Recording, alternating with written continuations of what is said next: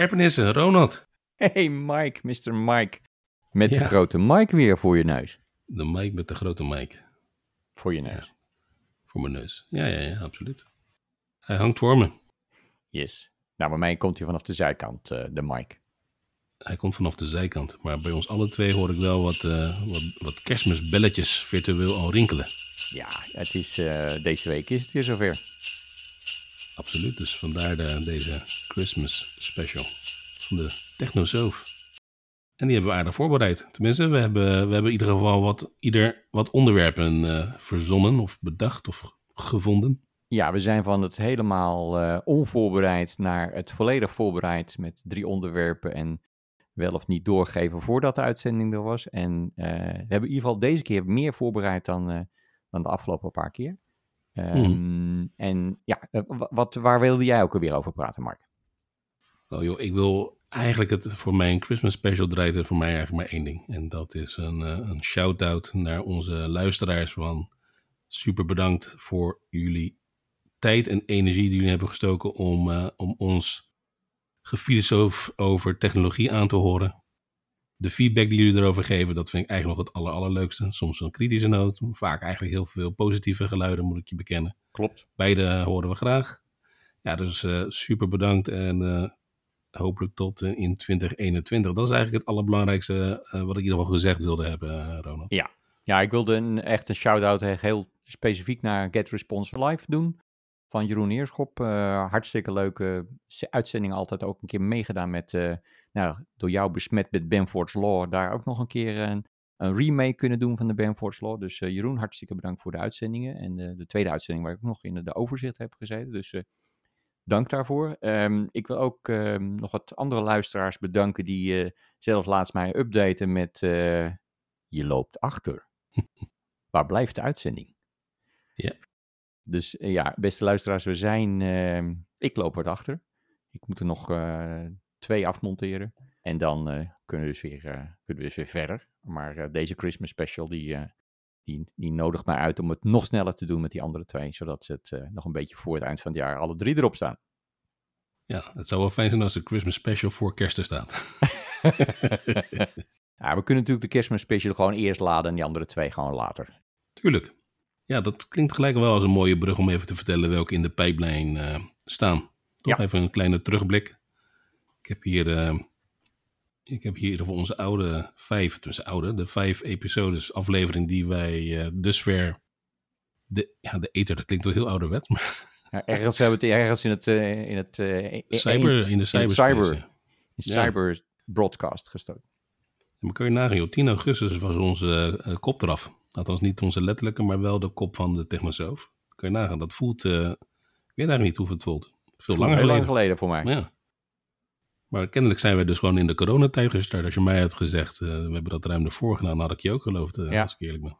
Ja, we klitsen natuurlijk al heel lang samen zonder opname. Maar, Ja, eh, ja. Dus dat is misschien waarom het zo voelt.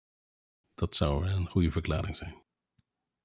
Ja, en toen hebben we een, een, ehm, ja, een soort oefening, een soort iets eigens geprobeerd. Namelijk hoe gaan we verschillende onderwerpen aan elkaar rijgen. Nou, dat hebben we toegetracht met een TikTok via een e- educatie naar een, eh, een Epic Store. Hè, van eh, die hele, hele rechtszaak eh, die, Ja. de- die liep. Nog genoeg over te, te, te updaten ook weer trouwens. Ja, absoluut. Nou ja, toen kwamen we bij een onderwerp waar ik jou eh daarna sinds ik het je heb verteld, bijna altijd wel links en rechts. eh, nou ja, je, je deed net de shout-out naar Responsive Life, weer over Benford's Law, maar dat was onze Benford's Law aflevering. Ja, dat was een hele leuke aflevering. Dank daarvoor, Mike, eh, dat je Sindsdien is jouw wereld veranderd. Ja, de wereld is helemaal veranderd voor mij. Sinds, sinds ik Ben voor de Law ken, kijk ik anders naar een getal. Nou, maar voordat ik het rijtje verder afga, wat, heb je nog wel eens eh, voorbeelden tegengekomen dat je denkt van, hé, warempel zou ik het hierop kunnen loslaten? hey, dit valt me op. Of niet super concreet. Niet super concreet, anders dan dat er een aanleiding is geweest om bij Jeroen te praten over Benford's Law en eh, in Power BI in te gaan. Mhm. Eh, dat heeft mij wel weer geleid tot nog meer Power BI gebruik. Dus dat, dat heeft wel een, een extra positief effect gehad. Ik heb zelf nog wel eens naar andere eh, getalverzamelingen gekeken en gedacht, hier zou ook nog Benford's Law op toepassing van kunnen zijn. Dat natuurlijk was tot op het moment net de, de, de verkiezing- verkiezingsdata was zo'n dingetje. Dat hebben we ook gebruikt in die uitzending trouwens. Ehm, ja, dus nee, niet heel concreet. En de, deze volgende verzameling heb ik gebruikt. Mhm. COVID is natuurlijk wel gebruikt ook door een aantal mensen ook in, in, de, in, zeg maar in, de getallen, eh, in het getallenspectrum. Nee, zelf niet nog een nieuwe toegevoegd. Nee. Wel gaan zoeken naar andere gelijksoortige, eh, als Benford's Law zeg maar even, andere laws die eh, op zoek naar een lijstje met laws voor volgende uitzendingen. Dat was wel een momentum uh, na Benford's Law voor mij. Nou ja, je, je bouwt de brug net te vroeg, want we hadden eerst nog een stapel technologie uh, onderwerp ertussen. Klopt. Dat is een beetje mijn paradepaardje. Hè? Dus voor mij is dat uh, spatial computing, hoe dat eigenlijk alles aan elkaar rijgt met de cloud eerst, met uh, heel veel data, IoT, sensoren, ja. AI, robotica. Nou, dat was dat. Ja. En nu had je je brug erin mogen over andere laws. Daar hebben we Parkinson's Law geïntroduceerd. Parkinson's Law hebben we nog gehad, ja. Ja, zeker. Nu, ja, er zijn natuurlijk wat meer wat je terecht wat je zegt hoor. En uh, Parkinson's Laws was weer ook een, weer, weer eentje voor op het lijstje. Er zijn natuurlijk ook heel veel andere nog niet laws, maar misschien ook effects. Daar kan ik straks nog wel wat meer over vertellen. Ik heb er eentje voorbereid, om het maar zo te zeggen. Ja. Um, ik vond die stapeltechnologie-uitzending ook heel erg leuk, omdat het uh, heel erg ook bij het, de verbinding met al die converging technologies uh, uh, spreekt. En, en dat verklaart ook heel veel van de versnellingen die je op een aantal fronten ziet rond AI en, en VR bijvoorbeeld. Hmm. Maar natuurlijk heel leuk is om een shout-out naar uh, jouw andere podcast te doen, die je ook doet. uh. Ja, ik kan het zeggen, als jij, als jij gaat beginnen, dan wil ik... uh, de grap is ook wel weer dat het een gemene kennis van ons is, toch? Ja. Hoe zeg ja. je dat? Ja. Tim, Tim, is- eh, Tim ken ik ook van, eh, van HSO toen hij nog daar werkte. Zat Ja. in een groepje wat ik eh, mocht begeleiden naar eh, wat ik genoemd heb Digital Transformers toen. Dat waren een soort van mijn invulling van een de enterprise architect. Hmm, Eh, dus het was, was een hele leuke eh, reis ook daar intern bij HSO. mooi man. Nee, maar eh, ik leer altijd ook heel veel uit jullie uitzendingen. Dus dat, het, hoeft maar, het scheelt mij een heel hoop uitzoekwerk en bijhoudwerk. Want ik krijg het netjes gecondenseerd, netjes in hapklare blokken door jullie aangeleverd. Dus dat is, dat is fijn. Ja. Dat is heel fijn. En, en, en dank dat je Mike hebt, Mike, dat je de mic van Tim hebt v- verbeterd. Want daar is echt een eh, geluidsverbetering over de uitzendingen heen eh, merkbaar. Ja, nou ja, dat is wel met dank aan zijn werkgever Recreator. Die heeft een nieuwe mic gesponsord, meen ik. En dat was ook wel hard nodig, want ik vrees wel dat er... ehm, ik merk het zelf ook, ik haak gewoon wel snel af bij podcasts als de kwaliteit niet denderend is. Ja. Dus, maar goed, dat was ons eerste seizoen zit er, zit er ook op. En Ja. we hebben hem afgesloten met zijn allernieuwste mic. Dat klinkt goed. Hadden één aflevering dat we er pas later achter kwamen. Dat ik al dacht, hmm, klinkt een beetje als vanouds. Dat is wel jammer, want dat was onze Sinterklaas special. Die dus eh, een klein beetje de mist in eh, was gegaan. Ja. Nee, maar goed, eh, terecht wat je zegt, als ik kijk naar dingen die, die goed gaan en die beter kunnen. Ik denk dat eh, eh, wat goed gaat, is er bij ons vanaf dag één eigenlijk het geluid geweest ook. Ja. Eh, de inhoud, daar hebben we allebei genoeg eh, eh, zeg maar voorraad eh, en nieuwsgierigheid om dingen aan te vullen, te ver eh, olifantenpaadjes te creëren en eh, dingen weer samen te laten komen. Mhm. Eh, dus dat, dat gaat hartstikke goed. Het, e- het enige wat denk ik aan mijn kant beter kan, is dat ik gewoon weer sneller, sneller edit.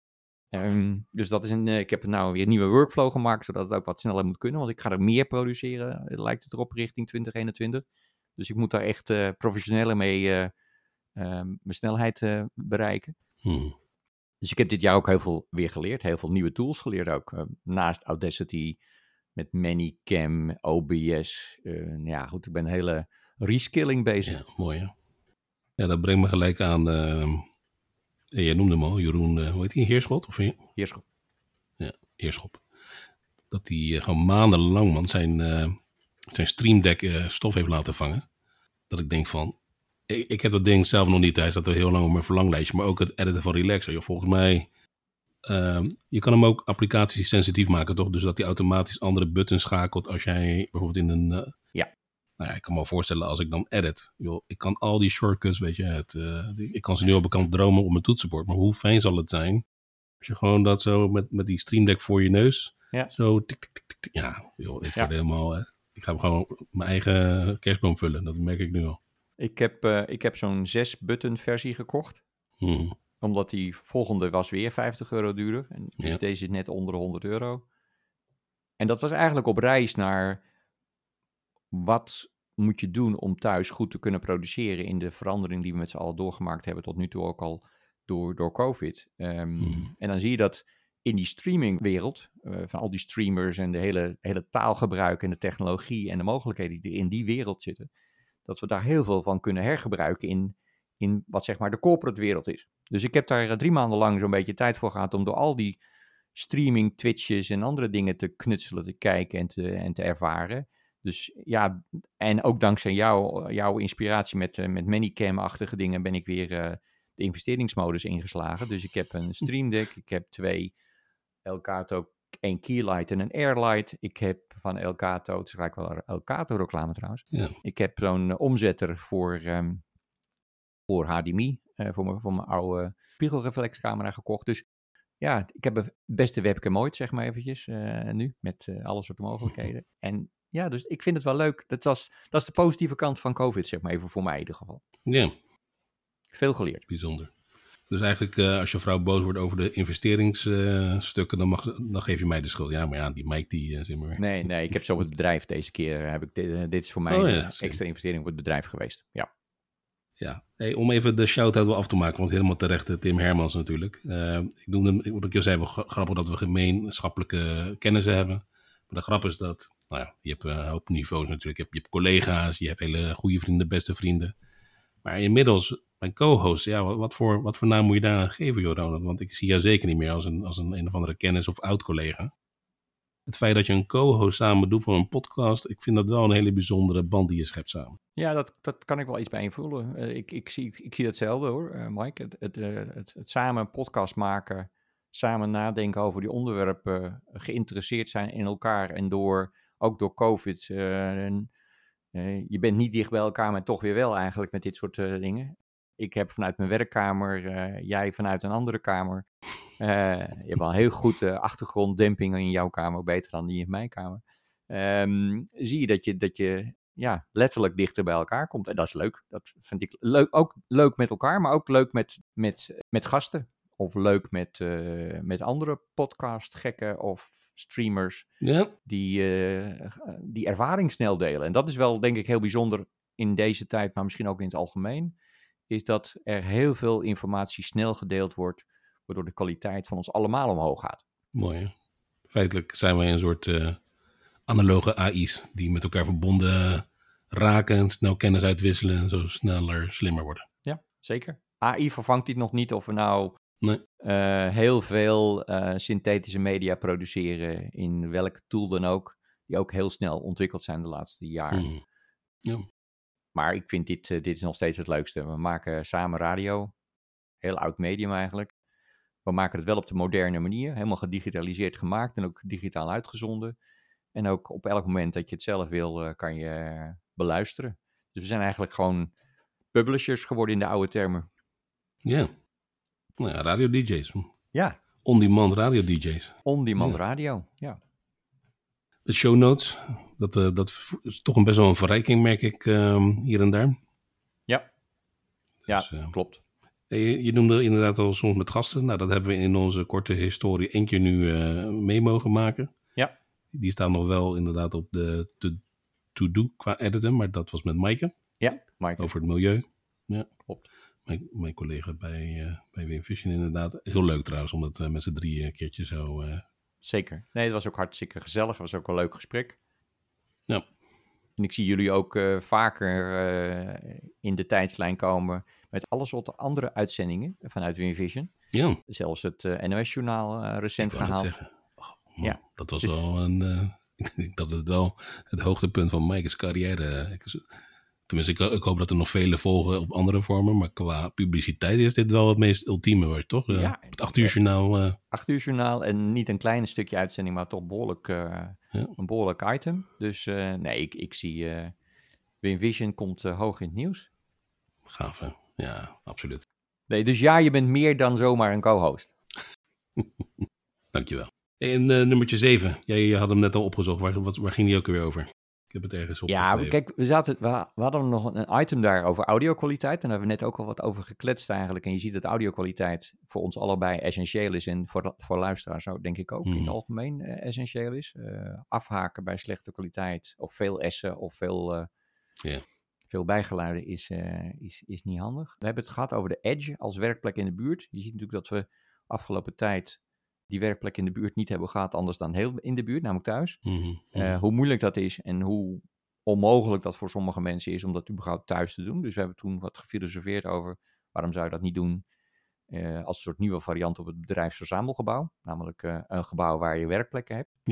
Ja, Ik geloof daar nog wel steeds heel erg in. Misschien ook dat hier straks een verbindingje met het andere onderwerp we nog hebben staan voor vandaag. En dat Edge als werkplek en thuis eh, leiden naar het eh, onderwerp eh, flexibele huisinrichting. En, en op dat moment kwam ik niet op Rietveld. en het Rietveld Scheuderhuis in Utrecht notabene. Maar dat, dat was wel een onderwerp van, van toen. Hè? Dus je ziet dat je dat huis eigenlijk misschien wel flexibeler moet inrichten. En dat werk niet meer een plek is van één van de drie plekken waar je, waar je beweegt. Namelijk werken thuis mhm. of zeg maar wonen en, eh, en de omgeving waar je andere dingen doet, eh, zoals winkelen. Ehm, daar hebben we het over gehad. Ik Ja. weet niet of er nog meer onderwerp. Volgens mij was het een beetje dat voor die uitzending. Nou ja, dat was het inderdaad wel. Ik, ik merk dat je een bruggetje bouwde hè, met winkelen, want daar gaan we het zo meteen. Ja. eh, ik wil hem niet helemaal afbreken. Ik, ik, ik had één dingetje en daar hoef ik het niet in de diepte te hebben, maar dat lijkt me leuk om daar in 2021 wat vaker bij stil te staan. Ik, mocht je ooit, eh, ik weet niet of ik het heb verteld, maar ik heb bij eh, een Smart Buildings event eh, twee weken geleden, georganiseerd door Bisense. Ja. Althans, die is founding father. En daar was een spreekster, de, de keynote spreker, professor aan de TU Delft, Deborah Nas. Ja, wat een, wat een fantastische spreker. Heel, heel, heel inspirerend. Mooie typische verhalenverteller. Ook persoonlijke zaken daarin voor. Maar uiteindelijk haar pleidooi, eh, of haar voorspelling aan het einde was ook zo van, joh, ehm, we, zien, we zien ook, je noemde het al eerder, een convergentie of een samensmelting van verschillende technologieën en van andere aspecten. En zij had er eentje meer in de afdelingenas. En dat vond, ik wel grappig. Zij zegt dat eh, HR en facilitair en ICT zometeen één afdeling wordt. En eh, zij noemen het de, de PBT-afdeling, de People Building and Technology afdeling.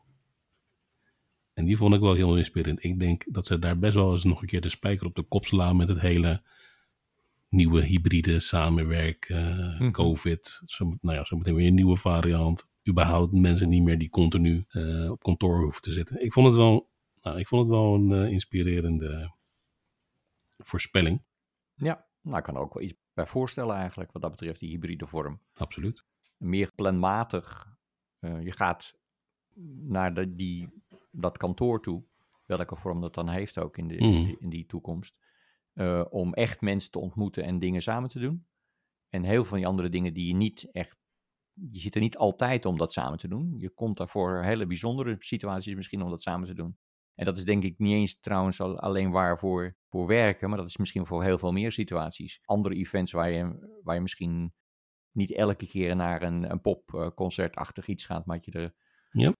Acht van de tien virtueel maakt en twee van de tien doe je echt helemaal met alles erop en eraan. En met dat werken zie ik dat ook al. Nou ja, om je, om je een klein inkijkje te geven in mijn persoon, eh, persoonsleven, eh, Ronald. Ik heb eh, sinds kort ben ik gestart met een vitaliteitsprogramma. of corporate wellness, zoals dat beter wordt gezegd daar zo. Waar het op neerkomt, joh, ik wil gewoon beter bewegen in deze COVID-tijd en, be- en, en beter op mijn voeding letten. Beter in balans. Nou, ik heb daar al een live variant, hè, lekker een uur het park in en van alles en nog wat. En dat is wel grappig. Maar nu, eh, vanochtend had ik mijn allereerste online. Nou, dan zit je via een Zoom-meeting, zie je dat, eh, dat. Dat is toch wel een bijzondere ervaring, kan ik je melden. En sport je dan in die, in die, Ja. die Zoom-meeting? Oké, Ja, ja, cool. Ja. Ja, dat is toch wel apart, toch? Ja, dat is het ook. Dat is het ook. Het doet mij een beetje terugdenken aan, eh, aan eh, jaren geleden waar je dat had met een VHS-band. en dat je een, een van die actrices die dan eh, zo'n hele serie gemaakt had, had je Zo'n Fonda, hoe heet ze ook weer? Jane Fonda, ja, dan had je dat. Jane Fonda banden, ja. Ja, had je een hele. eh, en, en je ziet er verandert niks eigenlijk. Het is alleen van async naar sync gegaan, van alleen naar samen. Het- Ja. Als je dat met de oude technologie zou moeten hebben gedaan, had je moeten afspreken hoe laat start ik de band op. ja. Oh, oh, oh. Ja. Nou ja, ik, ik vind het wel mooi hoe, hoe... Ja, dat is zeker leuk. Maar hoe heel oude technologie en heel... Want ik... Weet je, dit is dus alleen maar online, een beetje de camera aan meekijken. Maar wat nou zo meteen wat met, met meer smart wearables, dat hij wel goed kan zien. Ja. Mijn spieren wel goed heb aangespannen. in VR, AR-modus, dat je kan toewerken voor je loonnummer. Volgens mij is het de aller, allereerste stap en komt er nog zoveel meer. Ja, ja als je meer telemetrie-data zou hebben met het terugvoeren van wat je eigenlijk doet, dan in plaats van dat je straks een, een filmpje voor je, voor je camera zet waarbij je zelf ooit eens een keer één keer die oefeningen gedaan hebt, uh, denk ik dat dat, dat is de, de nabije toekomst. En dat zie je natuurlijk eigenlijk ook al, om, om dat bruggetje terug te maken naar die gamingwereld en die streamingwereld. Dat zie je natuurlijk al een hele tijd in die wereld al lang gebeuren. Want als je daarin met een, met een controller bezig bent, is die controller feitelijk je telemetriedata die je terugstuurt. En als je dat nu doet met een VR-bril op, dan wordt het al wat ja, allesomvattender. Hmm. En als je zo op zo'n, in een harnas op zo'n loopding gaat staan, hmm is het nog meer. Maar goed, er, zijn, er, er zijn meer verbindingen. Hè? Ook als je kijkt naar wat er gedaan is in de, dit jaar in de Tour de France door het uh, team van, uh, van NTT, is daarin, uh, voor, voorheen zeg maar het Dimension Data, mm. is daarin die al jarenlang zeg maar de Tour de France voorzien van alle IT die daarvan nodig is buiten het eigen team wat ze hebben, is er ook al lang een virtuele variant geweest dit jaar, waarbij je een team gewoon virtueel meefietste met uh, tig mensen naast elkaar fietsend op een soort van, ja, een soort treadmill-achtig ding waar je je fiets op zet. En daar uh, fiets je op en de, de weerstand is bestuurbaar door software. Zodat als je de heuvel op gaat, gaat echt dat ding een beetje onder, een, onder 10 graden hoek staan en, en de weerstand neemt wat toe. En uh, je moet echt hard werken om die, om die berg op te komen. Dus dat hele virtuele daar is, is eigenlijk ook beschikbaar al. Maar er was geen echte grote noodzaak om dat allemaal virtueel te doen. En met sport, wat je zegt, is dit een heel mooi voorbeeld. En, en dat grijpt misschien ook wel in dat je dat, dat, dat, je dat huis, dat het huis waar je in woont, ook steeds meer uh, multi-inzetbaar moet zijn. Twee uur per dag uh, of twee uur per week is het ook een stukje sportschool. Ja, voor een groot deel ook een stukje werk. Ja. Je noemde net al iets met die VR-brillen. En ook, nou, voor mij zijn die dingen goed uh, in staat om te bepalen waar je naartoe kijkt. Hè? Want dat is namelijk gewoon precies die, en dat zou wel uh, goud zijn voor, uh, voor retailers, meen ik. Ja, zeker. Nu moet je dat doen op, op webpagina niveau, zeg maar eventjes, hè, met ja. cookies en al die dingen. Ja. Is dat een mooie brug? tenminste, ik probeer weer terug te bouwen voor je. Ja, ik merk het. Het is een, leuke brug. Ja, ik moest erom denken. ik denk, ja, al die zaken die fysiek zijn, mm -hmm. daar hebben we nu last van. Hè? Of dat nou een trainingslocatie is, of dat nou een winkellocatie is, of dat nou het hotel is. Um, dus ik dacht van, hoe zit dat eigenlijk met winkelen en de impact van COVID? En is er misschien al een veel grotere impact geweest die, die ik gemist heb uh, voordat COVID er was, waardoor dat winkelcentrum toch al niet zo interessant meer was. En ik kan je vertellen, die is er. Die winkelcentra, die zijn in de jaren 50 zijn die in Amerika met name ontdekt en gebouwd. En die zijn, uh, Amerikanen bleken toen in ieder geval heel veel, en misschien nog wel, maar heel veel te houden van autorijden. Dus het was heel gewoon om uh, eh, 20 minuutjes in de auto te zitten. Dan op zo'n, nou, samen wel eens meegemaakt ook uh, in onze Microsoft-tijd. Dan kom je op zo'n parkeerterrein terecht, wat je denkt van, kan het nog wat groter? en dan zet je die auto neer en dan ga je naar zo'n, ja, zo'n bunker eigenlijk. Een hele grote bunker ga je naar binnen. En in die bunker zit dan een shoppingmall. Um, die is gekomen eigenlijk, als we praten over Benford's Law, heb ik een nieuwe voor je. De Gruen effect. Uh, Victor Gruen. He knew this problem was even worse in the suburbs. The suburbs lacked what sociologist Ray Oldenburg calls third places. Think of home as your primary place, work as your second place, and that third place is where you go to build community, to hang out, to simply feel connected. Gruen wanted to give the American suburbs that third place. The image of living in closer communication with other people, the image of having the possibility from walk to one place to another, that's archival footage of Gruen from the University of Wyoming. The image of participating in events outside of your own little house has become a desirable factor. Het is een Oostenrijker, um, begin vorige eeuw, verhuisd naar Amerika. En die heeft, uh, was initieel was het, ging het heel erg over hoe ga je nou winkels inrichten en hoe maak je het efficiënter.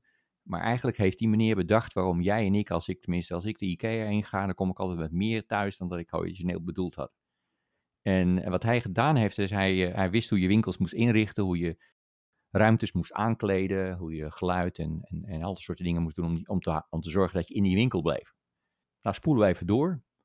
Uh, we hebben het hoge treinen gehad in Nederland. Ja. Dat is verbouwd, want het was niet succesvol. Het idee was goed, maar het, eh, toen de tijd. En nu zitten we in COVID en nu ga je de winkel niet meer in. Je mag er niet meer in, hij is er niet meer. Dus je moet nu een soort van ja, een soort Gruen-effect op, eh, op websites hebben. Nou, dat is er natuurlijk, want dat kennen we al eigenlijk al een tijdje van Facebook en, en van anderen. Eh, gereedschap om te zorgen dat je blijft winkelen eigenlijk. In het Facebook-verhaal is het er niet zozeer winkelen, maar dat je op die pagina blijft. Eh, en dat je Mhm. blijft doorscrollen. Nou, dat is bij winkels eh, ook. Je wordt elke keer geattendeerd in die digitale winkel op nieuwe voordelen, op dingen die bij jou passen. eh, dingen die nu nog te koop zijn en straks niet meer. Hè, dat in het, meer in het hotelwezen heb je dat eh, met name bij Booking.com heel veel gezien. Dus dat Gruen-effect, dat is er eigenlijk al jaren, ook in die niet-winkelomgeving. Maar het is ooit bedacht voor winkels. noemde ook het hotel als een voorbeeld, maar hoe moet ik dat voor me zien dan? Wat doet een hotel met dat groen effect? Nou, dat Booking.com had dan altijd toch, als je een hotel ging reserveren, Oh. er waren al tien mensen die ook keken. En het, je werd, je werd Ja, aangejaagd Ja, om ja. te kopen of om een urgentie te creëren eigenlijk. En Gruen heeft dan heel veel aan het begin eh, werk gedaan aan eh, mooie buitenkanten, mooie façades, mooie winkelinrichtingen, mooie eh, showrooms. eh, nou ja, daar kennen we alle voorbeelden van, denk ik. Als je de plaatjes ziet, ik zal de, in, de, in de show notes ook een linkje opnemen naar eh, Victor Gruen. En er is ook een hele podcast alleen maar over dit eh, onderwerp volgekletst trouwens, Oké, van eh, 99%. gewoon een hele podcast show oh, hierover. Alleen maar over de Gruen-effect, ja. En over het ontstaan en, het, eh, en de neergang van, eh, van de shoppingmalls. Er In Amerika is er zelfs een website, deadmalls.com, waar je ziet hoeveel van die shoppingmalls eigenlijk al, al vanaf 1990 zo'n beetje is dat achteruit gegaan, overleden zijn. Mm. Mhm. En tot een soort van, ja, een soort nieuw soort eh, eh, mausoleums met geen mensen erin. Het ziet er groot uit, het is verlaten, het is een beetje eerie zelfs. Ghost, eh ghost malls. Maar goed, hoe, hoe vertaalt zich dan dit naar coronatijd of covid-tijd? Ik snap dat je de technieken hè, met de sense of urgency, nou ja, wat je al aangeeft bij bookings.com, hè, dat kan Ja. prima in de online wereld. Vraag me trouwens meteen af of het, of het wettelijk mag, want het is een vorm van adverteren wat ze doen en het is dan wel false advertising als er niet daadwerkelijk tien mensen Ja. staan te, te, te kijken op dat moment. En dan vraag ik me oprecht af of er Ja. echt tien mensen Ja, op dat- moment... Dat zou zomaar kunnen, ja. Dat, dat, eh. Er is, ik denk dat als je het nu vertaalt naar e-commerce, dan is het eh, voor een deel merken we dat al in de huidige beleving van de shops die we hebben, eh, die nog heel, heel erg tweedimensionaal is. Hè? Bij de Albert Heijn of bij de Jumbo of bij Mhm. elke andere web- website waar je e-commerce dingen doet. De bol.com, is allemaal nog heel plat. Mhm. Ik kan me voorstellen als je toch een beetje terug wil naar dat browsing-achtige ervaring die je in een winkel wel hebt, waardoor je er meer koopt in de klassieke winkel. Dan moet je dat doen door, denk ik, VR toe te passen. En dan moet je in een soort immersed experience, moet je door die winkel heen digitaal Mhm. lopen. En of je dat nou lopen is op een treadmill of het lopen is door misschien toch nog gewoon een cursor te bewegen naar voren, van een pijltje naar voren naar achteren. Mibo-effect. Ja, dat is een Mibo-achtige benadering. Ja. Maar het kijken, het rondkijken, dat kan je met een VR-bril, zelfs met de meest goedkope VR-bril, met gewoon je telefoon, Ja. kan je al heel eind komen, denk ik. Zo grappig dat je het zo brengt, want toevallig had ik daar een discussie, eh, tenminste gewoon een gesprek over, over de eh, Appie. Hè. Wij gebruiken Appie Mhm. hier thuis om onze boodschappen, nou ja, komende twee weken was kansloos trouwens. Maar wat je ziet is, je betaalt een x-bedrag, ergens tussen de 5 en de, en de 10 euro meen ik, eh, voor de bezorgkosten. Tenzij je eh, een x-aantal producten eh, kiest die dan voorgeselecteerd staan. Namelijk, je- Ja. Nou, x-aantal biermerken bijvoorbeeld, of een paar van deze knabbelnootjes. Ja. Ja, wat ik zelf heb gemerkt, is dat ik denk van, nou ja, ik drink toch altijd bier met Tim hè, op de vrijdag. Nou, laat ik dan maar eh, drie van die erin. eh, eh, weet je, nou ja, dan ben ik misschien 12 euro kwijt. Maar anders betaal ik 10 euro voor- qua bezorgen. Ja, ja. Ja, dus in je hoofd gebeuren gekke rekensommen. En dan ben ik sowieso slecht in, kwam ik vanochtend achter rekenen. Oké. Maar dat je denkt, nou ja, dan weet je dan voor 2 euro, eh betaal ik 2 euro voor bier. Ja, nee, maar kijk, je, dat heeft natuurlijk die kopstellingen ook al, al jaren. eh, dat zijn de stellingen die eh, aan, de, aan de koppen van zo'n, van zo'n gangetje staan. Daar staan, daar, daar staan de kortingen of de verleidingen door je iets aanschaft. Het is of twee voor één, maar ja, als je niet in die winkel komt, eh, die kopstellingen zijn er niet. Dus je moet een nieuwe soort digitale versie van die kopstellingen verzi- verzinnen. En, en die zijn er, hè. dat zijn eh, gekoppeld aan jouw eh, shoppingpatroon Ja. aan, je, aan, je, aan je bonuskaart eigenlijk, ehm, aan je profiel, zijn er ook al persoonlijke aanbiedingen nu.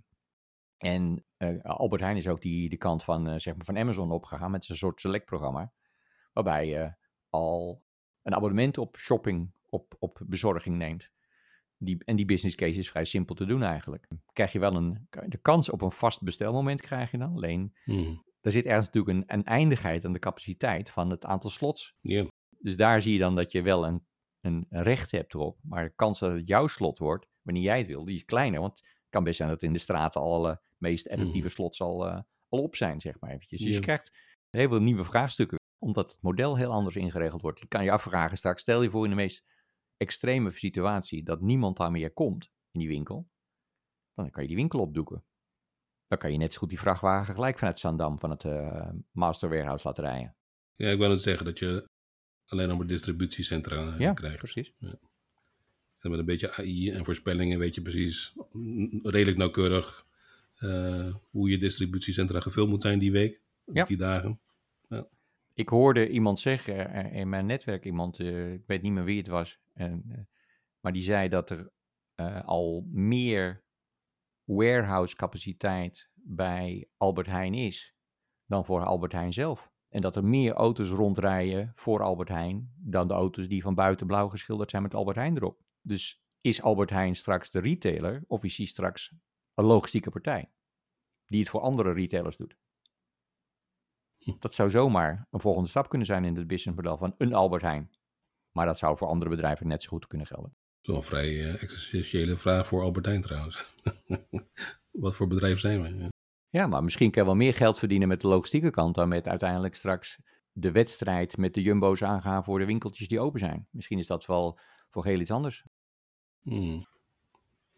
Nou ja, mijn voorspelling was al een tijdje. Ik denk als, als een Albert Heijn het niet doet, en ik geef Albert Heijn een, go een goede kans, hè, want zij zijn natuurlijk ook nog eens uh, bol.com. Denk daar maar eens even over na. Ja. Ook zij uh, distribueren veel deze, deze periode. Ja. Maar als zij het niet doen op boodschappenniveau, dus op uh, verse, ver, ja, verse spullen, als ik het nou even zo noem, ja. dan gaat er een andere grote partij komen. Of het nou Google is, en de grootste kans voorspel ik dat het Amazon wordt. Ja, en dus misschien de Nederlandse markt te klein, niet interessant genoeg. En dan houdt dat ze enigszins tegen. Maar de, het risico dat een andere dat doet is levensgroot. Zeker. Ja. Ik hoorde dat Bol bijvoorbeeld 60% van zijn revenue maakt met zijn partners, niet met zijn eigen producten. En dat is bij, ik denk bij Amazon wel anders. Uh, want Amazon heeft wel een model dat ze, als jij daar veel kabeltjes verkoopt, veel USB-kabeltjes, maar een voorbeeldje te noemen als, als, Mhm. als consumenten. Uh, en jij bent de leverancier van de USB-kabeltjes, maar uh, Amazon ziet wel dat er uh, heel veel USB-kabeltjes worden verkocht. Dan gaan ze gewoon zelf USB-kabeltjes produceren en onder eigen brand verkopen. Met hogere marges. Exact. Met alle, alle data die er tussentijds al geproduceerd is om te, te weten wie wanneer welke soort kabeltjes koopt, vanuit welke sector en welk belang. En dat zou best ook in de, in de retailketen enorme transformaties kunnen geven. Ja. Als je mij vraagt, die platformeconomie of platform, wat, wat, wat iedereen vaak wel in de, in de mond neemt, denk, denk ik wel aan dat effect. Hè? Dus die markt in handen hebben, externe partijen kunnen aansluiten, maar als het even mee zit, daarop kunnen inspringen en die boel zelf uh, ook nog eens weten te verkopen. Ja, want de eigenaar van die data is dan de platformhouder en die zit, ja. hè, bij Bol is dat exact hetzelfde. Uh, alle data over het gedrag van die kopers, dat zit bij Bol en niet bij die partners die aangesloten zijn met een, met een storefront in die winkel. Die hebben een beperkt hoeveelheid data. Stel dat uh, wij de nieuwe Amazon uh, dot, uh, .nl willen worden, niet de, de .com. Maar, maar de, dan denk ik al heel snel dat wil je mensen, partners aan boord... Ja, het is een beetje kippernij, want je moet eerst heel groot zijn en, en volume hebben, wil je interessant zijn, dat snap ik. Maar volgens mij is de, de unique selling point, wil je van Amazon kunnen winnen, is precies dat. Beloven dat die data voor jou is. Dat jij dus niet die concurrent, eh, dat jij gewoon die partij blijft, die, die broker. Ja. Dat is volgens mij een hele belangrijke reden om van andere resellers te zeggen, weet je wat, we switchen. Ja. Want volgens mij is dat het grootste uh, gevaar van hun eigen missie, dat ze gewoon worden opgegeten qua omzet. Dat, dat Amazon hun omzet uiteindelijk gaat opeten. Ja, nou ja, Amazon heeft, las ik laatst, 1 miljoen werknemers wereldwijd. 1 miljoen. Ja, 1 miljoen werknemers. Ik weet niet welk ander bedrijf er zo groot is, maar... Nee. En ik denk ook dat dat komt natuurlijk dat er heel veel van die gigworkers tussen zitten die uh, voor Amazon rijden of die voor uh, die, die andere dingen doen. Of misschien zijn een deel van die partners ook wel meegeteld in dit aantal. Maar het zijn echt enorme aantallen. Uh, het is echt gigantisch. En je ziet dat die platformspelers best ook worstelen met hun rol. Hè? Als je kijkt naar Uber, die zegt, uh, ja. die auto's, die uh, zelf, zelfrijdende auto's, die gaan we niet meer maken. Nee. Dat, die business unit verkopen we. Dan is dat ook weer een, een signaal op, het is toch moeilijker blijkbaar dan gedacht om langs die as die owner van dat, van dat ecosysteem te worden. het verbrandt meer dan dat het oplevert, dus nou gaan we het maar niet doen. Poeh. En dat allemaal over shoppingmalls die er niet meer zijn. Hoe ben je aan deze gedachte gekomen eigenlijk? Was dat een ander onderwerp al? Ja. Ja, ik was even nieuwsgierig van, ja, waarom hebben we, waarom hebben we ze? Uh, zijn ze er nog wel? En wat is de toekomst? Eigenlijk weer zo'n zo'n drie-stage aanpak. Hè? Uh, hoe kom je ertoe? Wat is het? En wat is de toekomst? Mm -hmm. Kan je bij heel veel dingen kan je dat doen. En ik ben altijd een beetje verslaafd aan dit soort uh, rare gedachtegangen van we hebben iets wat we heel vanzelfsprekend vinden, maar waarom zijn we er eigenlijk, waarom hebben we ze eigenlijk gekregen? En waarom, waarom zou dat betekenen dat ze er altijd zijn? Of zijn ze misschien al onderhand aan het weggaan? Nou ja, dat zijn denk ik juist die technosofische vraagstukken die, uh, die, waar wij alle twee aan verknocht zijn. Precies. Want, nou ja, want als je het hebt over de toekomst, ik vind het dan wel leuk om te zien dat Amazon, naar mijn weten, is, zit nou nog niet heel erg in dat, in dat mixed reality gebied, toch? Niet op VR, niet echt op AR, behalve dat ze nu een bril hebben zonder uh, camera's, maar uh, puur in je oor. Hè? Dus dat uh, Alexa ja. in je oor zit. dat klinkt wel heel fout. En de brug die ik wil maken is, ik denk dat dat een primaire drijver is naar van een Facebook, um, van een Apple zometeen, met, met hun Apple Visor. Nou, wat zijn nog mee? Die, die platformgedachte die Amazon nou omarmt, of, of, of heer en meester op is, ja, zo'n speler ga je zo meteen ook krijgen in de digitale wereld. Ja, denk ik. Dat denk ik ook. Die zijn er al een beetje, maar die zijn zeker nog niet zo groot. Um, dus je hebt een paar van die, uh, hoe heette dat platform waar we vroeger hadden en wat er nog steeds is, geloof ik, uh, Second Life of zo, weet je wel, waar je in die tweede ja, wereld... Die is wel, dat is echt de winkel, dat is de shopping mall, die is echt uh, zwaar in decline. Ja, precies. Maar daar zie je wel nieuwere generaties van, die wel een stuk die helemaal VR zijn en niet eigenlijk platschermig zijn met een VR-gevoel. Want dat VR-gevoel toen dat bestond was eigenlijk nog steeds heel plat, in mm. tweedimensionaal. Um, maar nu zie je dat daar in die wereld al, um, in die virtuele wereld zijn er al gewoon makelaars. Dus er worden uh, financiële transacties gedaan. Uh, er wordt mm. grond gekocht die niet fysiek is, maar die virtueel is. Um, dus nee, daar, daar, daar, verwacht ik wel dat er een soort van kristallisatie gebeurt van die fysieke wereld in die virtuele wereld, waarbij die virtuele wereld nu wel zoveel meer waarde heeft in de, in de experience, dat het ook kans heeft. Hè. Yeah. Zoetermeer toen de tijd en de bank, ABN AMRO Bank hadden toen een vestiging uh, in, die, in die virtuele wereld, maar dat was natuurlijk gewoon, ja, het was heel simpel. Het was, uh, het was nog niet eens Minecraft, zeg maar eventjes, maar het was minder dan dat schieten me nu drie gedachten te binnen, Ronald. En dat, zijn, dat is het maximum die ik in mijn kop kan houden. Sterker nog, bij één heb ik soms wel moeite. Eén is volgens mij, dit doet me wel denken aan die aflevering die we hebben gemaakt met die 30% tax. Uh, ja. Weet je nog, die Epic Store. Ja, dat zeker. dit wel de kans is die Apple kan, uh, kan, kan pakken. Nee, daar heb je het al. Voor mij die andere twee die zijn nou ook al gevlucht, uh, het idee. het is echt een leeftijd hoor. de tweede weet ik nog wel, maar de derde, dat is wel de meest belangrijke we hebben het heel veel over digitale transformatie. Je noemde eerder al de, bij HSO de Digital Transformers. Ja.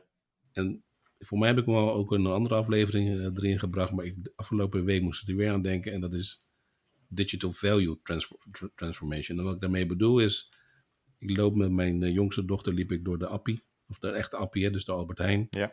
En daar zag ik zo'n blad uh, staan, daar zat zo'n zo'n zo'n plastic verrekijker die waarschijnlijk om te maken 3 cent kost of zo, gok ik. Ja. Nou, laat het de 10 cent. 10 cent. En uh, toch, weet je, dat blad kostte 5 euro. En ik binnen no time heb ik het voor haar gekocht. Want ze vond het gaaf, leuk, blij, mooi, kopen. 5 euro. Nou, ze heeft er heel eventjes mee gespeeld natuurlijk. Het zit nog steeds in de speelgoeddoos. Maar eigenlijk heb je 5 euro voor zo'n plastic verrekijkertje. Op zich boeit me dat niet zo heel veel. Maar als ik dan de vergelijking maak met een digitaal object, een game, een Ja. app of noem het maar op. Dan denk je van 5 euro, ja, zo niet erop. Ik ga niet over betalen voor iets wat je ook voor 1 euro hebt. Of voor een paar cent of gratis en dat soort zaken. Terwijl als je heel logisch beredeneert. Hè, dus even Mhm. technosofisch ernaar kijkt. Dan denk ik, voor die 5 euro kan je met een, een, digitale app zoveel meer waarde halen. Want het kan niet Ja. alleen een verrekijker zijn die die lens gebruikt. Het kan bijna elke vorm aannemen die je maar wilt. En toch wil deze eh, veertiger geen 5 euro uitgeven aan zo'n digitale app. Of minder snel. Ja, ik denk dat... Terwijl dat echt mindset is. Het is voor mij echt Ja, ik, ik, je, je zit... Kijk, veranderingen gaan eh, in de menselijke snelheid helemaal niet zo snel. Nu wel, voor een deel geforceerd, hè. Mhm. Maar als het vrijwillig gaat, denk ik, gaat dat in een veel lagere snelheid. Met als resultaat dat je eh, hoogstwaarschijnlijk eerder toch aan de fysieke goederen, want dan heb je ook iets, dat is tastbaar en dan voel je waarde. En de digitale waarde, die zit, eh, ik ben nog iets ouder dan jij, dus ik zit daar nog iets, misschien nog iets eh vastgeroest erin voor een deel. Maar ik, ik denk dat als je nu naar eh, de volgende generatie kijkt, die kijken eerder nog naar eh, die digitale vorm. En het enige probleem wat zij wellicht hebben, is dat omdat er zoveel in hun tijd gratis aangeboden is, dat daar het betalen daarvoor nog een hele andere drempel is. Misschien wel voor een game, eh, maar niet voor heel veel andere dingen. Omdat ze opgevoed zijn, bijna zou je kunnen zeggen. Zijn, zijn groot geworden met gratis eh, toegang, gratis gebruik, gratis alles. Ja. En dat is denk ik waarom wij soms misschien toch nog hangen, ha- sneller naar dat fysieke grijpen. Mhm. Omdat je dat in ieder geval, je hebt wel ownership daarvan. Hè, van die kijker, hoe Ja. goed die ook is. Van dat boek. Ik koop ook nog steeds best wel veel fysieke boeken. ja, lekker. Ehm, en dat heeft te maken met het feit dat ze zijn ook nog eens een keer overdraagbaar. Dus als ik dit Ja. boekje, boekje van Humble Pie van Matt Parker, heb ik gekocht naar aanleiding van jouw inspirerende verhaal over Benford's Law, heb ik gratis gekeken naar zijn YouTube-kanaal. Mhm. Maar ik heb geld besteed aan een gesigneerde versie van Humble Pie. Gesigneerd nog wel. Dus ik denk dat, ja, een gesigneerde versie, dat is één, één pond meer, geloof ik. En ik denk, kijk, nu kan ik het overdragen. Ik kan het aan jou geven, ik kan het, Ja. eh, kan het zelf lezen, ik kan het zelf lezen en daarna aan jou geven. Mhm. Dat zie, ik- dat zie ik mij met een Kindle-boek niet doen. Totaal afgegrendeld. Ja. Eh, en dat zou wel eens een keer ook bij dit soort platformspelers de beperking kunnen zijn naar de Mhm. toekomst toe. Dit brengt me op dat derde punt, me nou te binnen. Dat wij wel heel goed zijn in het... Als we naar een digitale oplossing zoeken, dan kijken we vaak eerst naar de analoge wereld en dan willen we die gewoon digitaliseren. Terwijl, dit, eh, terwijl we dat bij e-books eigenlijk andersom hebben gedaan. Hebben we juist hem gedigitaliseerd, maar niet één op één. Maar juist heel erg beperkt, wat je nu zegt. Redelijk beperkt. Ja, ja we, we, we, ik, ik denk als je kijkt naar de transformatie die we doormaken, dan passen we technologie toe om een betere versie te maken van de analoge wereld. Dus het is een analoge plus eigenlijk. Ja. Eh, en we kijken niet naar welke, welke extra mogelijkheden die digitale wereld natuurlijk Mhm. he- heeft. En, en hoe je die een beetje in termen van, eh, van Tesla, zeg maar, eh, als first principle thinking, Mhm. na te denken over hoe gaan we dit, hoe, hoe ga je kennis overbrengen? We hadden een, een analoog boek, Mhm. nou hebben we digitale mogelijkheden. Gaan we nou het analoge boek digitaliseren? Of gaan we de digitale mogelijkheden gebruiken om die kennis over te brengen? Diezelfde kennis. En dan kom je tot een heel nieuwe verschijningsvorm in plaats van een, eh, in, van plaats van een pdfje. Want daar komt het dan in een aantal gevallen eh, op neer eigenlijk. Gewoon, het is een boek Ja. in een digitaal formaat met een, eh, met een viewer die dat digitale formaat aan kan. Mhm. En dan zit je en dan probeer je er nog weer een analoog boek van te maken, omdat je nog page turning hebt en, en je vouwt het open als een boek. Natuurlijk heel raar is.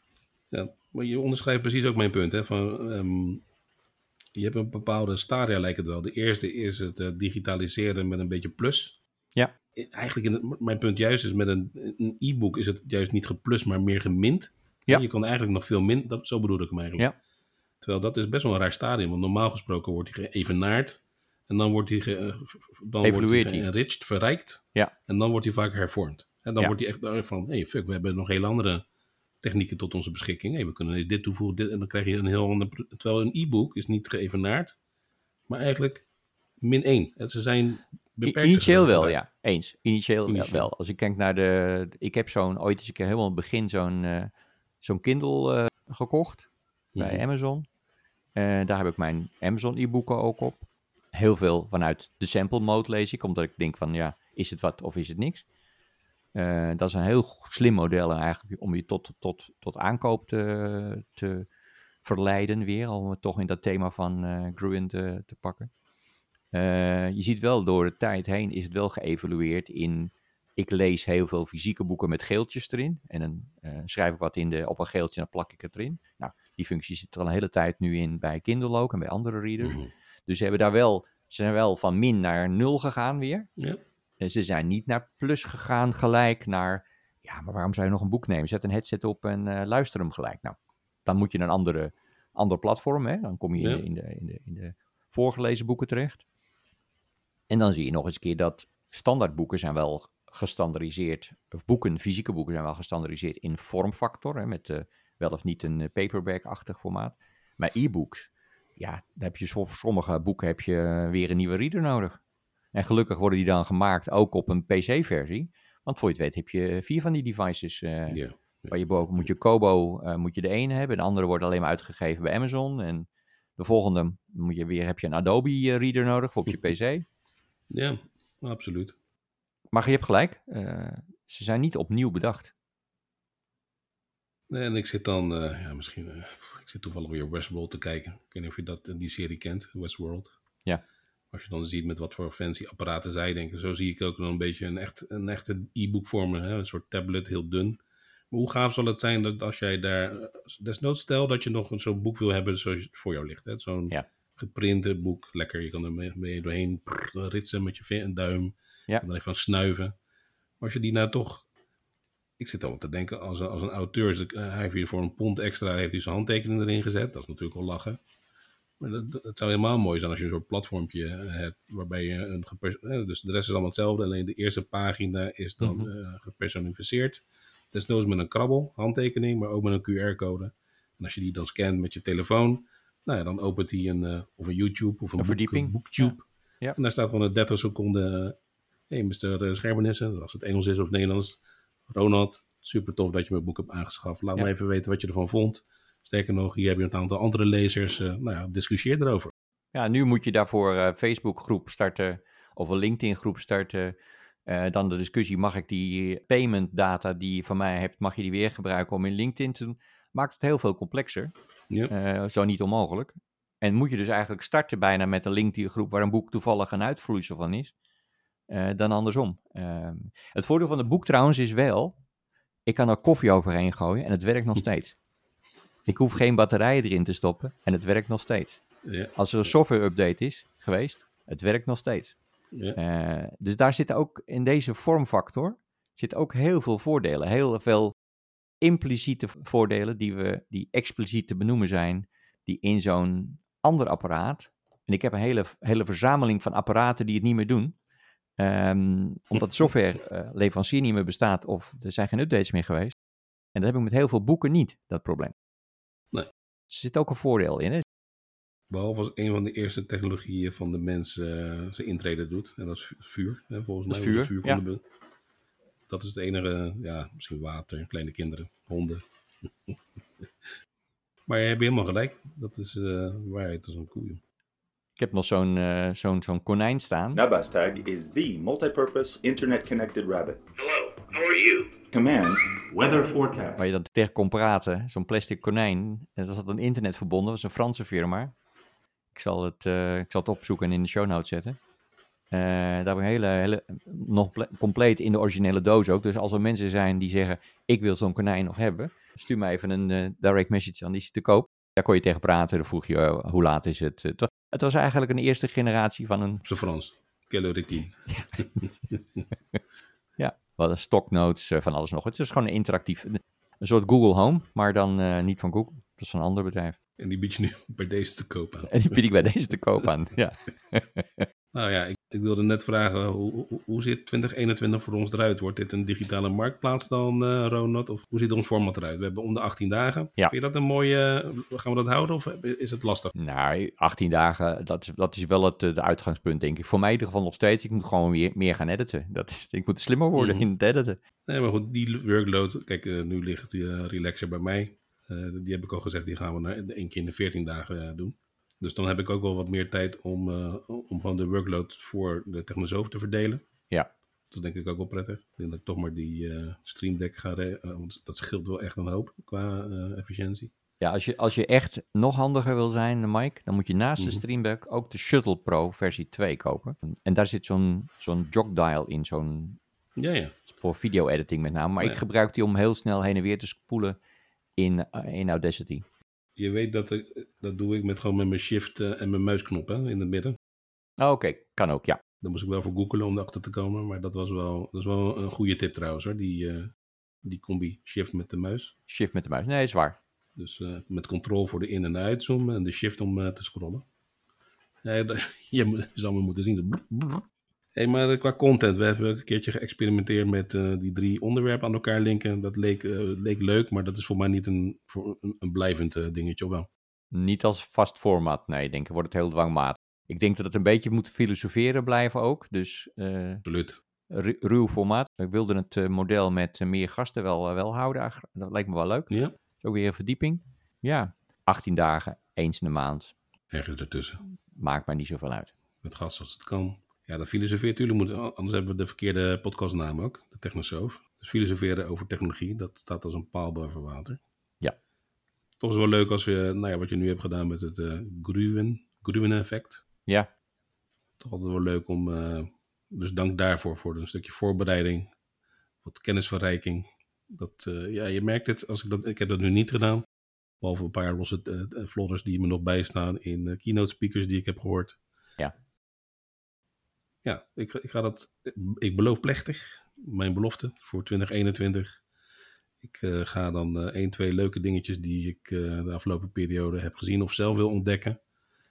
Dan, want dat was wel het voordeel van die drie onderwerpen trouwens. Hè. Je werd Ja. wel gedwongen een beetje onder, onderzoek te gaan doen. En ik weet niet, volgens mij is er zelfs een naam voor, maar je kan binnen Wikipedia, weet je, dat is het mooie van die hyperlinks in eh, webtechnologie. Je, je klikt, je klikt, je klikt. Het is gewoon een, Ja. hoe noemen ze nou, de rabbit hole, de Wikipedia rabbit hole noemen ze het geloof ik. Dat voordat je het weet ben je een uur verder en ben je weer eh, duizend pagina, nou ja, het is overdreven, maar tientallen artikelen wijzer geworden. Maar goed, dat lijkt me een mooi voornemen. Dat was het woord, voornemen, niet een, blog, een mooi voornemen. Nou, goed voor. En ik, en ik volg je graag daarin. Dus eh, mijn goede voornemen is dat ik eh, toch wat sneller ga editen. Dat lijkt me wel sowieso belangrijk. Voorbereiding is altijd leuk. En ook voor het Gruen effect ehm, heb ik echt dat, eh, dat je verliezen in al die linkjes. Dat heb ik eh, weer volledig meegemaakt. Dus eh, dank daarvoor. Voor die verleiding naar, naar meer klikken. En, en daarin zijn voor mij altijd de standaard aantal bronnen die ik elke keer gebruik eigenlijk. Want die doen al heel veel van dit soort voorwerk, zou je kunnen zeggen. Mhm. En per sector, per gebied heb ik wel een paar bronnen waardoor ik dat makkelijker kan doen. Ik hoef niet alleen maar Google te gebruiken dan. En ik, ehm, ik denk meer gasten. En voor mij is Technosove ook een alibi om meer spullen te, Kopen. te gebruiken of te leren en te ontdekken. Dus eh, op mijn verlanglijstje staat nog een, eh, een echte VR-bril. En ja, ik denk niet dat ik hem nog nodig heb, maar ik zou hem wel heel graag willen hebben. En dat is zo'n eh, zo'n Rode podcast Toch? ding. Ja, hoogstwaarschijnlijk nog steeds om één schuifje heen en weer te halen. Want we zitten allemaal vast in een kamer, dus Ja. waarom zou je nog naar een locatie gaan waar je met vier microfoons iets mag, iets mag opnemen? Eh, want dan heb- kan je pas echt goed gebruiken. Eh, Dus Hmm. nee, nee, dat is eh, een side joke, zeg maar. Nou ja, ik zie het ook wel gebeuren in 2021 dat jij gewoon je eigen Edge Studio gaat aanbieden met spatschermen ertussen en dat dat een soort, niet een sidekick, maar wel een, eh, een van jouw core business gaat worden met eh, pro audio, met tips en trucs, Ja. prep sessies. Nou ja, waarom niet? Ja, waarom niet? Ik heb nu al een hele setup die ik gebruik in Teams. Dus ik heb een soort Teams eh, flow waar je in Teams het voor, het tijdens en nawerk ziet. Nee, maar zeker. Het is, produceren is heel leuk. Absoluut. En er is content genoeg. Er is eigenlijk te weinig reistijd om de podcast af te luisteren. Dat is wel een, eh, een dingetje, denk Ja. ik, voor veel mensen. Ook voor mezelf namelijk. Want dat is toch wel een moment dat je ze vaker luisteren. Dus het is ook wel een soort nieuw ritme wat je moet creëren om die podcast te gaan beluisteren. En er zijn er heel veel die ook heel goed zijn naast de Technosoof. Dat is absoluut. Nou ja, aan de ene kant moet je dan een klein beetje. eh, het is ook wel mooi hoe, hoe Netflix dat zeggen. Van joh, dat is niet onze concurrenten zijn niet eh, de, de, de YouTube of HBO of Disney. Nee, dat zijn onze Fortnites. Hè. Dus de, de, de games en de. Nou ja, wij concurreren natuurlijk ook met andere podcasts, maar ook met een YouTube en een Netflix. En, eh, Ja. ja, waar besteden, men- waar besteden mensen hun tijd aan? Dat is wel het voordeel, stel dat we het op video zouden doen met YouTube. Heel veel mensen kijken wel vaak gewoon YouTubes. Ja. Terwijl ja, aan de andere kant, ik weet niet of dat. eh, Nou, ik zie wel mensen. ik weet niet of wij daar een eh, innovatieve manier voor kunnen hebben. Dus in plaats van dat ze alleen maar naar ons hoeven te kijken. Want dat lijkt me nou ja, ook weer niet zo heel erg bijzonder voor ze. Maar wat meer eh, filmmateriaal ook er- erin te monteren. Maar ja, dat Ja. is wel weer veel Nou ja, montagetijd. eh, Ja. Eens, eens. Ik, ik zie wel eens eh, kanalen van Twitch. Nou, dat is natuurlijk van, van huis uit al een videokanaal geweest. Maar ik zie dan eigenlijk gewoon iemand die praat voor een microfoon. Zoals wij, jij en ik ook voor, voor een videomicrofoon praten. Eh de enige is dat je dan nog wat meer overlays in de, in de video stopt. Om daarin het meer leuker, mooier, anders te laten zijn. Ja, voor een digitale fooiepot zag ik wel eens voorbij komen. Oké. ja, nou ja, dan, dan we kunnen, kunnen natuurlijk gewoon Patreon worden. Dan gebruiken we zo'n ander platform van Patreon ervoor. En dan eh, vertellen we dat, eh, wil je de uitzending eerder horen dan de rest, dan moet je betalen. Dan mag jij hem eerder luisteren als VIP-luisteraar of VIP-kijker. Dan moet je wel editen. Maar dan moet je allemaal editen. Ja. Nou ja, goed. Je zou kunnen zeggen, eh, ik ben nu voor een, voor een klant van mij aan het kijken naar ehm, eh, blended learning platformen. Mhm. Ik kan me ook voorstellen dat een blended learning platform heel goed te gebruiken is om dit soort podcasts of YouTubes eh, in te zetten en die op, in een bepaalde volgorde te bekijken. En die bepaalde volgorde is een soort educatie. Ja. En dan is het, zijn, maken we digital assets en die noemen we dan nu podcast. Eh, en die digital, digital assets met wat materiaal waar we de research naar gedaan hebben. Hè, toen je, zoals jij naar Ben Slow hebt gekeken en ik nu naar die Gruen. Dan, dan, ja, dan die verzameling van, eh, van snippets en linkjes, die, die stoppen we er gewoon bij. En dan vragen we daar een bescheiden bedrag voor. En dan eh, kan je daar misschien onder die 5 euro, eh, onder die 2 euro misschien wel zelfs, goedkoper dan dat plastic kijkertje, kan je iets, iets ophalen. word je gewoon slimmer, rijker. Wat je als student zijn of twintiger, dertiger gewoon weer terugverdient. Omdat je dan de beste baan hebt, toch? Vanwege alle kennis die wij in onze... Ja, hoeveel jaar eh, ervaring hebben we bij elkaar? 50, 40, 50 jaar, denk ik. Zeker. Zoiets. Ervaring die eh, direct eh, zeg maar toegepast kan worden. Hoe gaaf zal het trouwens zijn, Ronald, als wij gewoon onze... we hebben Ben- Benford's Law genoemd, Parkinson's Law. Ik zou het wel echt waanzinnig gaaf vinden als wij met die 50 jaar ervaring die wij hebben, onze eigen laws op een gegeven moment kunnen...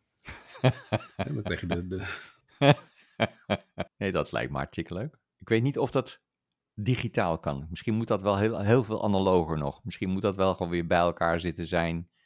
eh, opgesloten in een ruimte. Maar goed, misschien is dit wel gewoon de nieuwe opgesloten versie van die ruimte. En Ik wou het zeggen, dit wordt aardig opgesloten. benader je met, eh, met relaxer, met het biertje.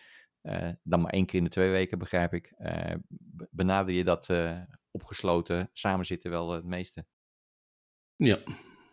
Ik vind het trouwens wel leuk om te horen dat je dus ook ons eh, gebruikt. Tenminste, gebruikt, dat klinkt heel... eh, maar inderdaad naar ons luistert om ook gewoon in één week tijd... Hè, want dat deden wij wel. In gewoon de, de keek op de week. In een week wist je gewoon weer wat is er toen gebeurd. Wat is er uitgekomen. Welke trends zien we daar.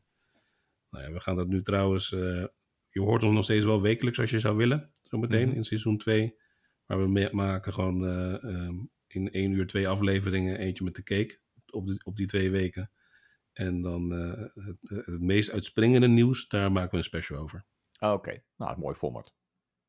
Oké, hey, we zijn ehm, wel een tijdje onderweg. Eh, Normaal gesproken zijn die van ons rond een half uur, drie kwartier, geloof ik. Ja, drie kwartier zo'n beetje, ja. Is dat een, eh, blijft dat een mooi format? Ja, lijkt me, anders is het gewoon te kort en dan komen we niet op stoom. Nee, we zijn wel twee diesels, hè? Dat is wel... eh, Onze luisteraars spoelen gewoon standaard ook 20 minuten door, denk ik, of niet? Ja, ze, ik denk dat de, de trouwe luisteraars zijn het gewend en die, eh, die klagen dus dat er eentje niet is op tijd. Eh, dat is helemaal goed. Ja, dat is, dat is alleen maar goed. Nee, maar dat is het wat het is. Ja. Maar, maar ik, ik sta open voor andere, of voor luisteraars, of voor mijn, mijn co-host, een andere aanpak als je dat wil, Mike. Nee hoor, deze aanpak pak, klinkt mij goed. Ja, meer gasten, dat zou heel mooi zijn. Die met Mike is me goed bevallen. Ja. Dus degene die eh, ja, klagen, een klager klinkt negatief, terwijl ik dat echt juist als een hele goede... het is heel eh, positief. Het is heel Een positief. hele positieve Ja, natuurlijk. ja zeker. Voor mij heeft hij ook wel eens een keertje een audiofragmentje bij ons achtergelaten. Ja, dezelfde, dezelfde Ja, luisteraar, ja. Nou ja, die eh, vond, vroeg expliciet om dan niet die, dat au- audiofragment te laten horen. Ik hoop wel als hij dit hoort, of wanneer hij dit hoort, zich toch een keertje geroepen voelt om zich eh, nou ja, in te mengen in onze discussie. Ik denk dat hij het met alle plezier doet. En eh, nou, je noemde Jeroen. Misschien dat Jeroen het een keertje leuk vindt om eh, Ja. eens mee te filosoferen over bepaalde over data misschien, de rol van data. Ja, zeker. Ton we, we kunnen Tim, we kunnen nog meer cross, eh, want we hebben je al een keertje uitgenodigd voor eh Trio Talk, wat eh, Ja. nog steeds moet gaan gebeuren in 2021. Ja, zeker. Ga ik ook doen. Leuk. Dus eh, Ja, er is ook, er is ook op het onderwerp waar, waar, jullie, eh, waar ik jullie heel goed van ken, zeg maar even, is er ook nog heel veel te filosoferen over eh, de digitale replica's. En of dat dan zo ver gaat als dat, dat ik zie op LinkedIn, waarbij iemand zich al helemaal heeft gedigitaliseerd als digitale twin. Jarno. synthetische, zeg je? Ja, Jarno. Ja, Jarno, ja. Ja. Of dat met panden, bedrijfspanden, woningen, wegen.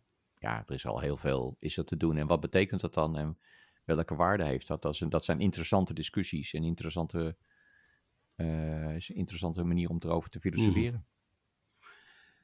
Nou ja, kijk, ik heb dat niet super doelbewust of vooruit ge... Maar je ziet wel bij, eh bij, bij Trio Talk hebben we het heel veel inderdaad over die digitale transformatie. Hè? Dus het omzetten van data, IoT, dat stuk. Ik geloof wel heilig in het, verder omzetten. Hè? Dat is namelijk nog de olieraffinaderij, vind ik. Mhm. Dan zit het hem in er plastic van maken of, of brandstof. eh, en dan, dan kijk ik bijvoorbeeld naar Relaxer, om daar echt, joh, hoe ga je dan met die data om? Hoe ga je dat visualiseren? Hoe ga je het toepassen? En zodra je dat hebt, vaak zijn er dan toch nog steeds halffabrikaten, net als brandstof of plastics. Ja, hoe ga je er dan eindproducten van maken? Of hoe gaat het in de toekomst eruit zien? En dat, dat ben ik weer met jou aan het... eh, hè, dus Ja. ja, nu ik er zo over nadenk, ik heb er nog nooit zo over nagedacht, maar vallen die stukjes wel bij mij op de plaats. Ja, nee, dat, ik- herken dat wel een beetje. Want ik, ik raak wel door bepaalde onderdelen geïnspireerd bij jullie sessie, die ik dan daarna ook gelijk probeer. Hè, met eh, jullie hebben een aantal van die VR-platformen besproken. Mhm. Eh, dus dan bij mij betekent dat dat ik dan verleid ben om daarna gelijk dat platform in te gaan. Van of het nou Mibo is, of het is, het is eh, Irion. Of, eh, V-Time XR, dat was ook ja, een hele precies. Exact. Ehm, dus dat zijn allemaal soorten dingen die dan bij mij gebeuren. Dus dat, dat, dat is hoe ik een beetje hoe ik ook in elkaar Mhm. zit, zeg maar. Dat brengt voor mij ook versnelling in mijn eigen leerproces en mijn eigen ontdekkingsreis eh, van dit soort onderwerpen. En dan is het voor mij heel logisch, maar dat zo, zo ik in elkaar, om die dingen dan te combineren opeens. Ja. Of eh, om wat uit te zoomen. En dat, door dat uit te zoomen ontdekken dat het al een keer eerder gebeurd is, maar op een andere manier. En dan kom je bij of je shopping mall terecht, of je komt bij eh, hoe zijn eh, treinen ontstaan, eh, railroads, wat, wat, hoe zou je daar een analogie mee kunnen trekken en te zien wat er al een Mhm. keer veranderd is. Maar datzelfde kun je ook doen met wat is de invloed van technologie in retail geweest en welke andere veranderingen zijn er in retail geweest die geleid hebben tot het verdwijnen van de V&D en het opstaan van Amazon. Tja, zeg je wat. Nou, over retail en VR, VR gesproken. Ik had, zag toevallig een nieuw icoon. Tenminste, het icoontje was al ouder. Mixed eh, Reality Portal heet dat ding in Windows 10. En het icoontje was geüpdate. Ik denk, nou, dat zal er wat Ja. anders. Dus ik heb het gisteren aangeklikt. Toen zag het ook veel meer. Nou ja, je zag al wat filmmateriaal, geloof ik. En, en toen zag ik ineens, zonder er heel veel reclame voor te willen maken. Maar een, eh, een aankomende bril van HP. De, hoe heet dat ding? De Reverb, reverb? Reverb G2, zo heet dat ding. Ja, ja. Voor 5,99. 600 euro is die, ja. Ja, toen dacht ik van nou, dat, zijn nog, dat is wel een leuke prijs. Het is duurder dan Ja. die Quest 2, maar volgens mij eh, zit je niet aan privacy-achtige dingen. Je kan het voor Steam gebruiken, voor eh, mixed reality in Windows. Ja, het is nog wel een kabel weer Precies, dat is exact mijn Ja. punt. Je zit getieterd. Het is een Titer device. Het is wel, ze hebben wel een hele rugzak erbij waar je hele PC in kan flikkeren. Ja. Dus dan is hij niet getiterd meer, maar dan heb je een rugzak om. Ehm, hij is heel goed. Ik heb eerder al eh, reviews gelezen, want ik zat zelf in zo'n, en ik, ik zit nog steeds in zo'n besluitvormingstraject met mezelf. Eh, of ik nou wel of niet zo'n ding ga kopen. Dus aan de ene kant denk ik, ja, het Facebook-ding is heel erg toegankelijk, beter geprijsd. Technologisch gezien super goed. Ja. Maar jij zit wel aan Facebook vast. Dat kan je, eh, nou dat kan best opbrekend zijn, zeg maar eventjes voor mij ook. Eh, die reverb is echt ook superieure technologie, maar is wel aan de prijs en is tethered. Mm.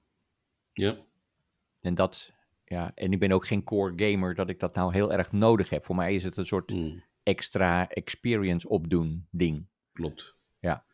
Ik denk als, je, als iemand mijn ding zou, eh, zou verhuren voor een half jaar, dan heb ik er wel weer genoeg aan gehad. Ja.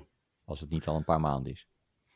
Nou, ja, kijk, waar, met Tim hebben we natuurlijk gezegd, joh, hoe gaaf zal het zijn als wij een podcastopname kunnen doen in VTime XR. Hè? Dat je elkaar Ja. kan zien, dat je een hele andere experience krijgt. Ja. Het nadeel vind ik voor dit soort zaken is, ja, hoe ga je dan die microfoon plaatsen? Hè, Ik, zal die, ik moet die video nog editen, maar mijn, eh, mijn XLR die hing dus een beetje erboven. Ja. Ehm, terwijl als, stel dat je nou een, een, een, nou ja, als ik kijk naar Apple, wat ik toen ook al zei tegen Tim, is van, als je gaat kijken naar die nieuwe headset die ze hebben aangeboden. Eh, Ja. Hoe heet dat ding? Ja, tenminste, je kan hem nou kopen, maar voor een belachelijke plei- prijs natuurlijk, 642 eh, euro. Mhm. Dan heb je die Apple eh, AirPods Max, heet die dingen. Oh ja, Dus dat is ja. gewoon een nieuwe headset. Ja. Belachelijk veel geld natuurlijk voor een headsetje. Maar wat nou als ook die microfoon, ik weet niet of er überhaupt een microfoon trouwens in zit, maar dat die nou rete goed is. En dat als je zo meteen met een Apple Visor, die er waarschijnlijk dus in 2020, sorry, 2022 eh, aankomt, Ja. ook elkaar nog wel kan zien en afspreken. Nou, dan ben je misschien wel 1000 euro kwijt, alles bij elkaar. Ja. Maar als dat gaat betekenen dat we precies die, die experience hebben die jij mist, hè? dus opgesloten bij elkaar, brainstormend en dat, ja, dan is dat best een hoop geld nog steeds. Maar als je dat Ja. uitsmeert in drie, vier jaar of zo, is, is het een investering waard misschien.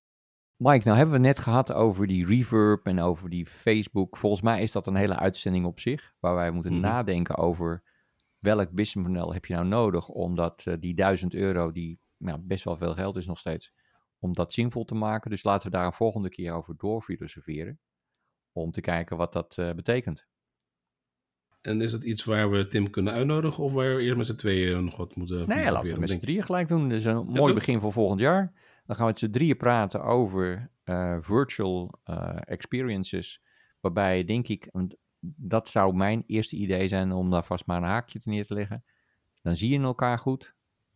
Maar dan nog heb je die fysieke dingen nodig. Ga je dan met handschoenen ook gelijk werken? Of, of heb je geen handschoenen en moet je dat gewoon maar eh, in beeld doen? Dan, ja, ik weet het niet. Ik moet erover nadenken. Waarschijnlijk kost dat gewoon een oud en nieuw, om het maar zo te zeggen.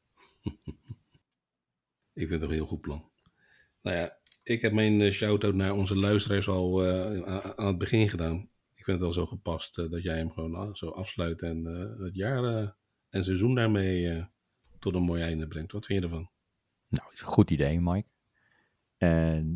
Ja, ik denk dat het namens mezelf, maar ook namens Mike spreek als het gaat om, eh, want hij heeft zijn eerste shout al gedaan, dat ik blij ben met het aantal luisteraars wat we dit jaar hebben opgebouwd. Zeker. En hartelijk dank alle luisteraars. Dat klinkt een beetje heel radioachtig nu, maar hartelijk dank dat jullie allemaal geluisterd hebben.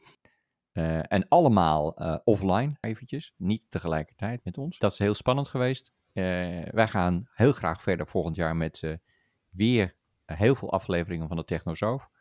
En ehm, ik zou zeggen tot, tot volgend jaar. Blijf veilig, reis niet te veel. Eh, en dat gaat de archieven in als waarom zou je niet veel moeten reizen toen de tijd. Mooie woorden. Hey, tot, eh, tot volgend jaar. Hele fijne dagen. Jij ook tot volgend jaar, Mike.